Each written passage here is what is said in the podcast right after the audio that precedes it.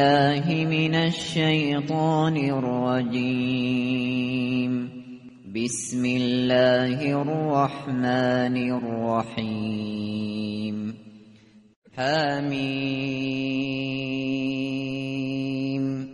به نام خداوند بخشنده بخشایشگر. حامیم عین سین.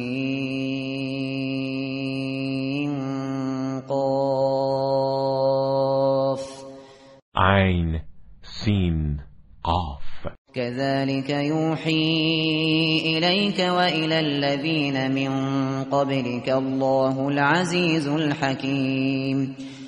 این گونه خداوند عزیز و حکیم به تو و پیامبرانی که پیش از تو بودند وحی می کند له ما في السماوات وما في الأرض وهو العلي العظيم آنچه در آسمان ها و آنچه در زمین است از آن اوست.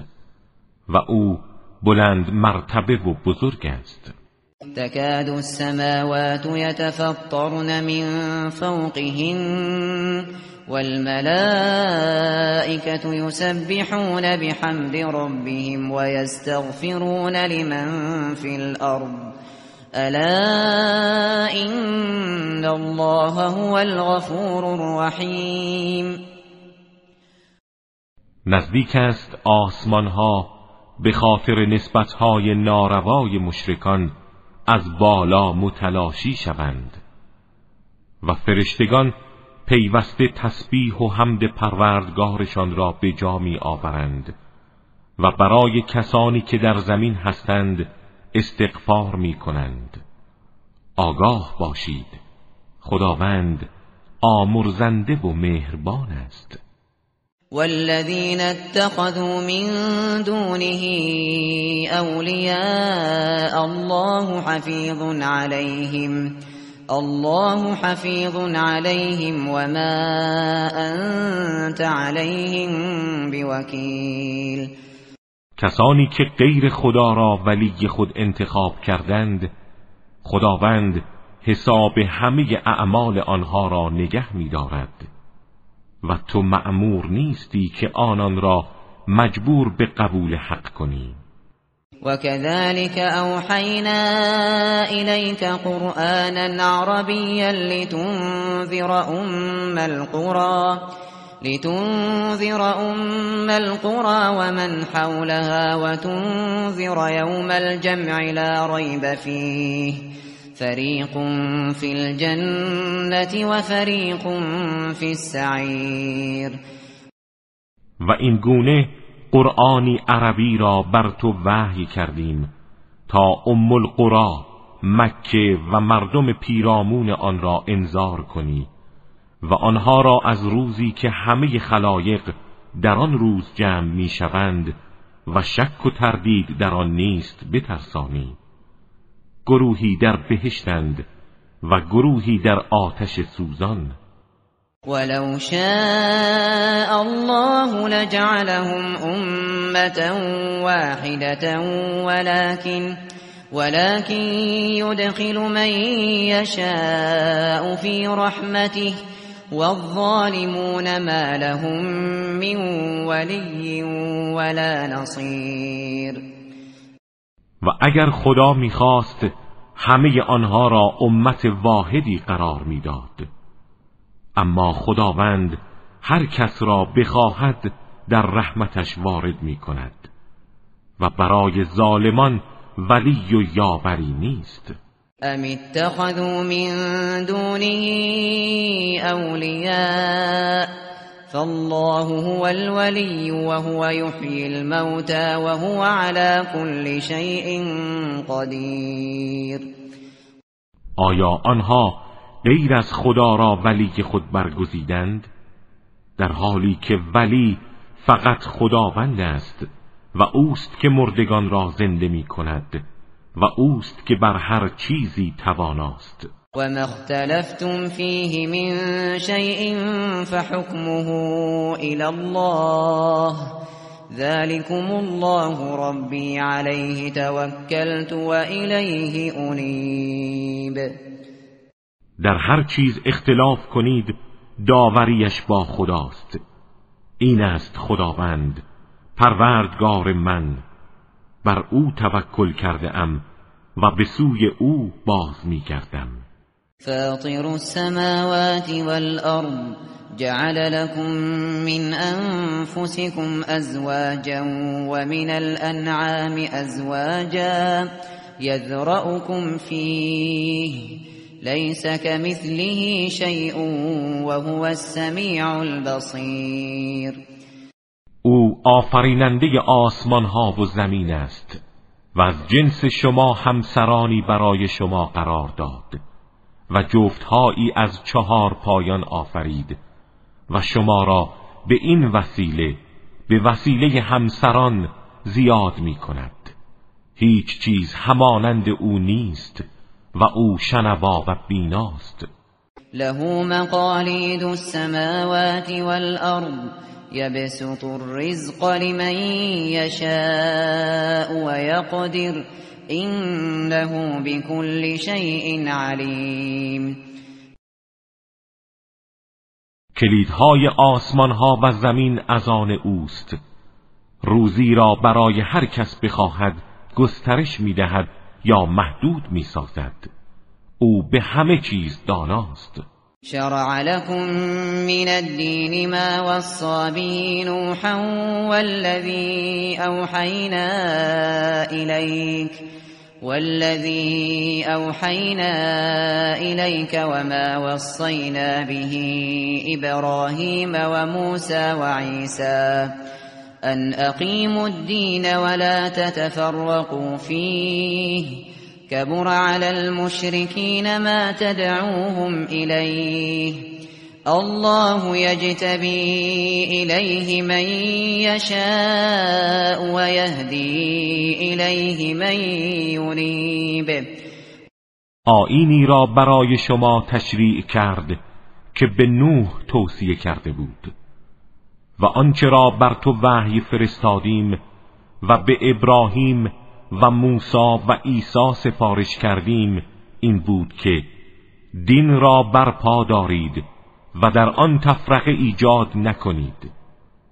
بر مشرکان گران است آنچه شما آنان را به سویش دعوت می کنید خداوند هر کس را بخواهد برمیگزیند و کسی را که به سوی او بازگردد هدایت می کند وما تفرقوا إلا من بعد ما جاءهم العلم بغيا بينهم ولولا كلمة سبقت من ربك إلى أجل مسمى لقضي بينهم وإن الذين أورثوا الكتاب من بعدهم لفي شك منه مريب آنان پراکنده نشدند مگر بعد از آن که علم و آگاهی به سراغشان آمد.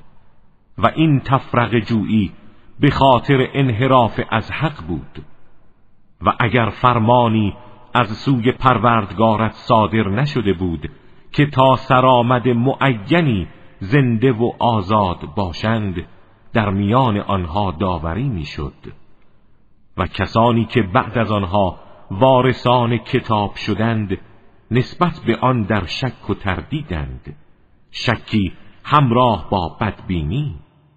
فلذلك فادع واستقم كما امرت ولا تتبع اهواءهم وقل آمنت بما انزل الله من كتاب وأمرت لأعدل بينكم. الله ربنا وربكم. لنا أعمالنا ولكم أعمالكم. لا حجة بيننا وبينكم. الله يجمع بيننا وإليه المصير. پس به همین خاطر تو نیز آنان را به سوی این آیین واحد الهی دعوت کن و آنچنان که مأمور شده ای استقامت نما و از هوا و هوسهای آنان پیروی مکن و بگو به هر کتابی که خدا نازل کرده ایمان آورده ام و مأمورم در میان شما عدالت کنم. خداوند پروردگار ما و شماست. نتیجه اعمال ما از آن ماست و نتیجه اعمال شما از آن شما. خصومت شخصی در میان ما نیست و خداوند ما و شما را در یک جا جمع می کند و بازگشت همه به سوی اوست. والذين يحاجون في الله من بعد ما استجيب له. من بعد ما استجيب له حجتهم داحضة عند ربهم وعليهم وعليهم غضب ولهم عذاب شدید کسانی که از روی لجاجت درباره خدا بعد از پذیرفتن او مهاجه می کنند دلیلشان نزد پروردگارشان باطل و بیپایه است.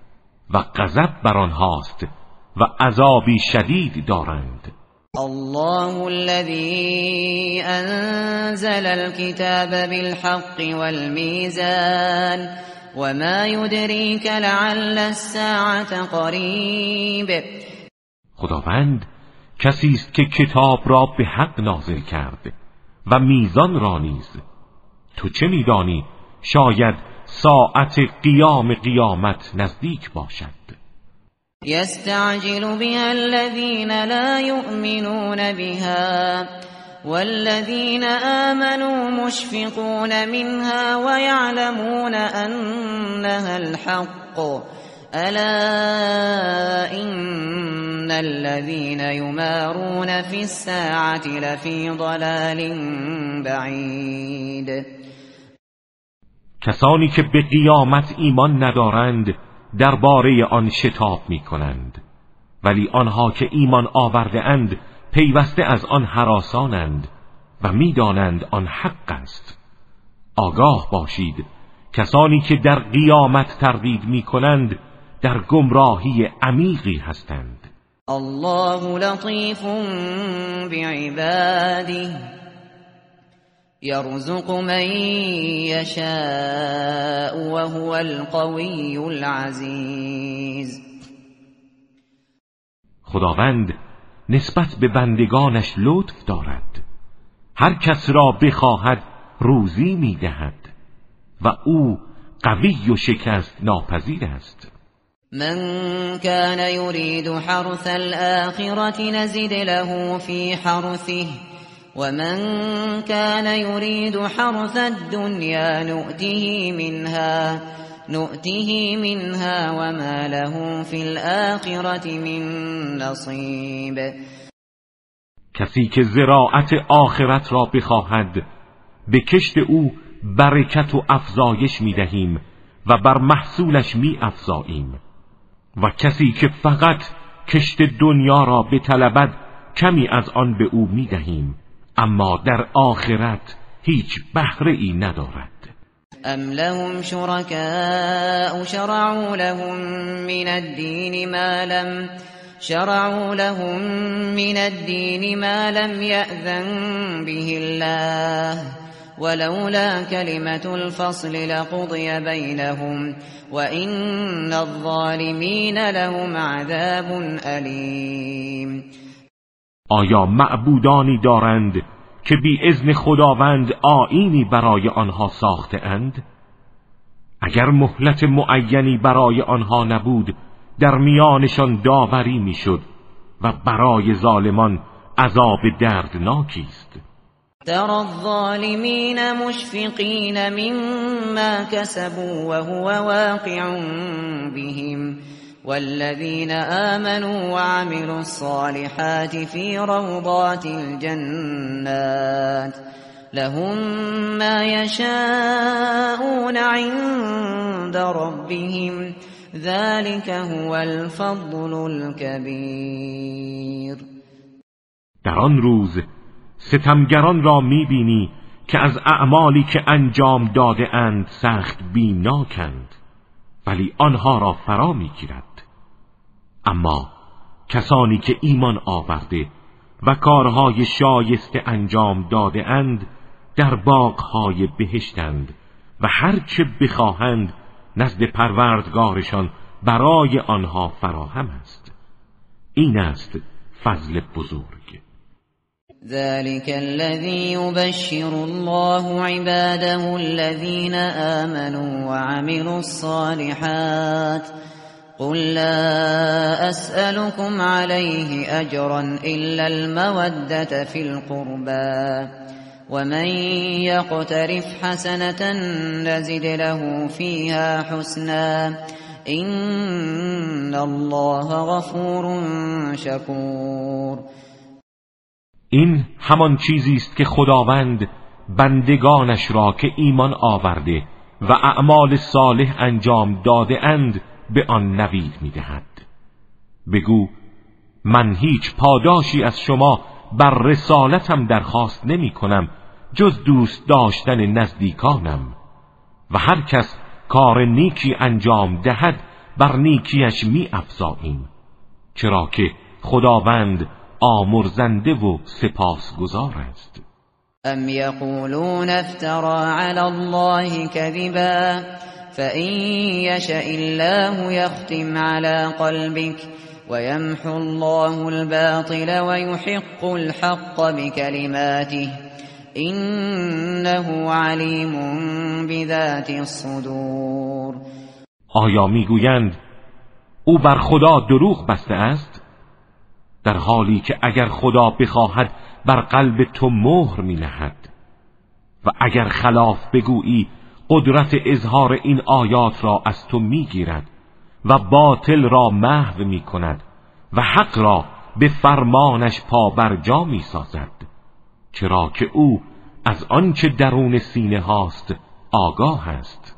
وهو الذي يقبل التوبة عن عباده ويعفو عن السيئات ويعفو عن السيئات ويعلم ما تفعلون. او کسی است که توبه را از بندگانش میپذیرد و بدیها را میبخشد و آنچه را انجام می‌دهید می‌داند. ويستجيب الذين آمنوا وعملوا الصالحات ويزيدهم من فضله والكافرون لهم عذاب شدید و درخواست کسانی را که ایمان آورده و کارهای نیک انجام داده اند میپذیرد و از فضل خود بر آنها می افزاید اما برای کافران عذاب شدیدی است. ولو بسط الله الرزق لعباده لبغوا في الأرض ولكن ولكن ينزل بقدر ما يشاء إنه بعباده خبير بصير.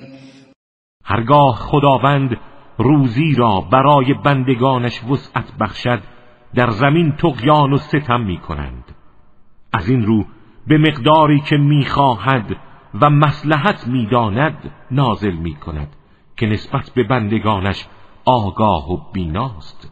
وهو الذي ينزل الغيث من بعد ما قنطوا وينشر رحمته وهو الولي الحمید. او کسی است که باران سودمند را پس از آنکه معیوس شدند نازل می کند و رحمت خیش را می گستراند و او ولی و ستوده است. و من آیاته خلق السماوات والأرض وما بث فيهما من دابه وهو على جمعهم اذا يشاء قدیر. و از آیات اوست آفرینش آسمان ها و زمین و آنچه از جنبندگان در آنها منتشر نموده و او هرگاه بخواهد بر جمع آنها تواناست. وما أصابكم من مصيبة فبما كسبت أيديكم فبما كسبت أيديكم ويعفو عن كثير. هر مصیبتی به شما رسد به خاطر اعمالی است که انجام داده اید و بسیاری را نیز عفو می کند. و ما انتم بمعجزین فی الارض و ما لكم من دون الله من ولی ولا نصیر و شما هرگز نمی توانید در زمین از قدرت خداوند فرار کنید.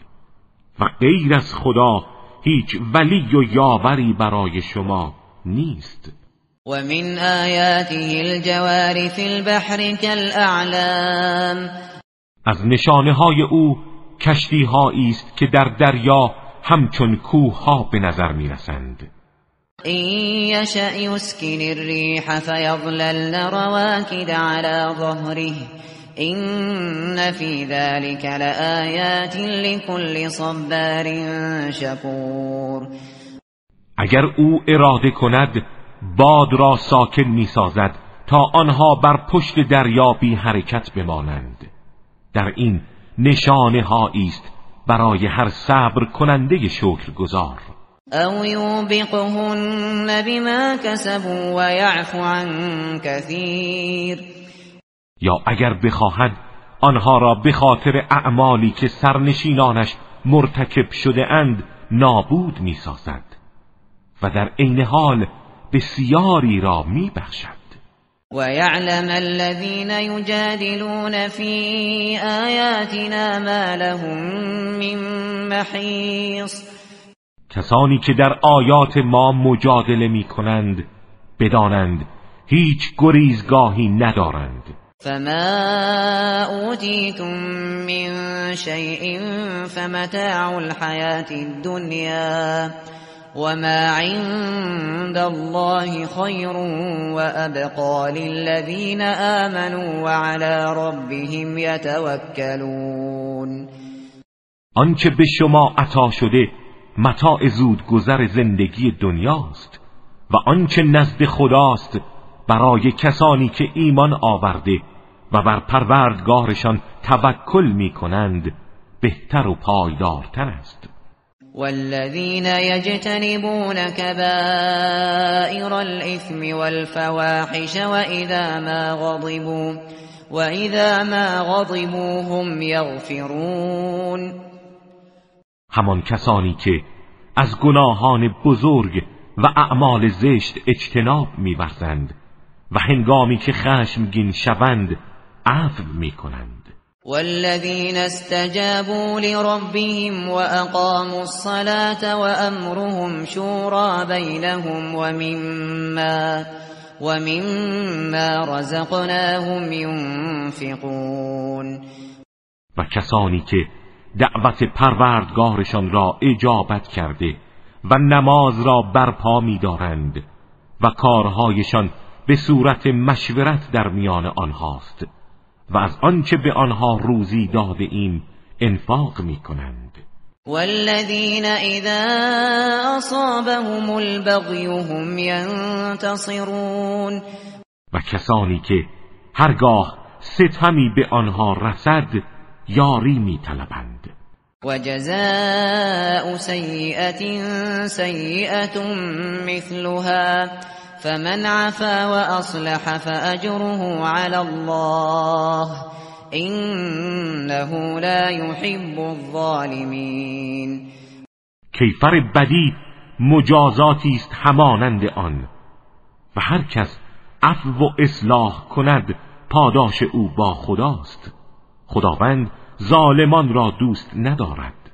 ولمن انتصر بعد ظلمه فأولئك ما عليهم من سبیل و کسی که بعد از مظلوم شدن یاری طلبد ایرادی بر أو نیست.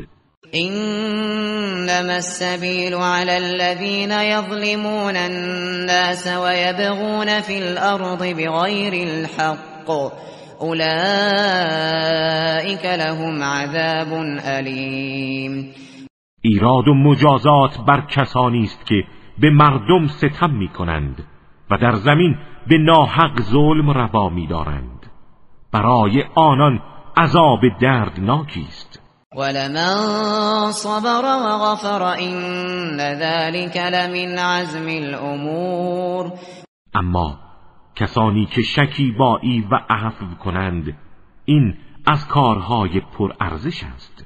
ومن يضلل الله فما له من ولي من بعده وترى الظالمين لما رأوا العذاب يقولون يقولون هل إلى مرد من سبيل کسی را که خدا گمراه کند ولی و یاوری جز او نخواهد داشت. و ظالمان را می‌بینی هنگامی که عذاب الهی را مشاهده می‌کنند می‌گویند آیا راهی به سوی بازگشت وجود دارد؟ وتراهم يعرضون عليها خاشعين من الذل ينظرون من طرف خفي وقال الذين آمنوا إن الخاسرين الذين خسروا أنفسهم وأهليهم يوم القيامة ألا إن الظالمين في عذاب مقيم. و آنها را می‌بینی که بر آتش عرضه می‌شوند. در حالی که از شدت مزلت خاشعند و زیر چشمی به آن نگاه می کنند و کسانی که ایمان آورده اند می گویند زیانکاران واقعی آنانند که خود و خانواده خیش را روز قیامت از دست داده اند آگاه باشید که ظالمان آن روز در عذاب دائمند. وما كان لهم من أولياء ينصرونهم من دون الله ومن يضلل الله فما له من سبيل آنها جز خدا اولیا و یاورانی ندارند که یاریشان کنند. و هر کس را خدا گمراه سازد هیچ راه نجاتی برای او نیست. استجيبوا لربكم من قبل أن يأتي يوم لا مرد له من الله. ما لكم من ملجأ يومئذ وما لكم من نكير. اجابت کنید دعوت پروردگار خود را پیش از آن که روزی فرا رسد که بازگشتی برای آن در برابر اراده خدا نیست. و در آن روز نه پناهگاهی دارید و نه مدافعی. فَإِنْ أَعْرَضُوا فَمَا أَرْسَلْنَاكَ عَلَيْهِمْ حَفِيظًا إِنْ عَلَيْكَ إِلَّا الْبَلَاغُ وَإِنَّا إِذَا أَذَقْنَا الْإِنسَانَ مِنَّا رَحْمَةً فَرِحَ بِهَا وَإِن تُصِبْهُمْ سَيِّئَةٌ بِمَا قَدَّمَتْ أَيْدِيهِمْ فَإِنَّ الْإِنسَانَ فَإِنَّ الْإِنسَانَ كَفُورٌ و اگر روی گردان غمگین مباش. ما تو را حافظ آنان قرار نداده ایم. وظیفه تو تنها ابلاغ رسالت است. و هنگامی که ما رحمتی از سوی خود به انسان بچشانیم به آن دلخوش می شود. و اگر بلایی به خاطر اعمالی که انجام داده اند به آنها رسد به کفران می پردازند. چرا که انسان بسیار کفران کننده است. لله ملک السماوات والارض يخلق ما يشاء يهب لمن يشاء إناثا ويهب لمن يشاء الذكور مالکیت و حاکمیت آسمان ها و زمین از آن خداست. هر چرا بخواهد می آفریند به هر کس اراده کند دختر می بخشد و به هر کس بخواهد پسر. او یزوجهم ذکرانا و اناثا و یجعل من یشاء عقیما. انه علیم قدیر. یا اگر بخواهد پسر و دختر هر دو را برای آنان جمع می کند و هر کس را بخواهد عقیم می‌گذارد زیرا که او دانا و قادر است. وما كان لبشر ان يكلمه الله الا وحيا الا وحيا او من وراء حجاب او يرسل رسولا او يرسل رسولا فيوحي باذنه ما يشاء انه علی حکیم و شایسته هیچ انسانی نیست که خدا با او سخن گوید مگر از راه وحی یا از پشت حجاب یا رسولی میفرستد و به فرمان او آنچه را بخواهد وحی می کند چرا که او بلند مقام و حکیم است. وكذلك أوحينا إليك روحا من أمرنا ما كنت تدري ما الكتاب ولا الإيمان ولكن جعلناه نورا ولكن جعلناه نورا نهدي به من نشاء من عبادنا وإنك لتهدي إلى صراط مستقیم همان گونه که بر پیامبران پیشین وحی فرستادیم بر تو نیز روحی را به فرمان خود وحی کردیم. تو پیش از این نمی‌دانستی کتاب و ایمان چیست و از محتوای قرآن آگاه نبودی. ولی ما آن را نوری قرار دادیم که به وسیله آن هر کس از بندگان خیش را بخواهیم هدایت می کنیم و تو مسلما به سوی راه راست هدایت می کنیم صراط الله الذي له ما في السماوات وما في الأرض. ألا إلى الله تصير الأمور. راه خداوندی که تمامی آنچه در آسمان ها و آنچه در زمین است از آن اوست. آگاه باشید که همه کارها تنها به سوی خدا باز میگردد.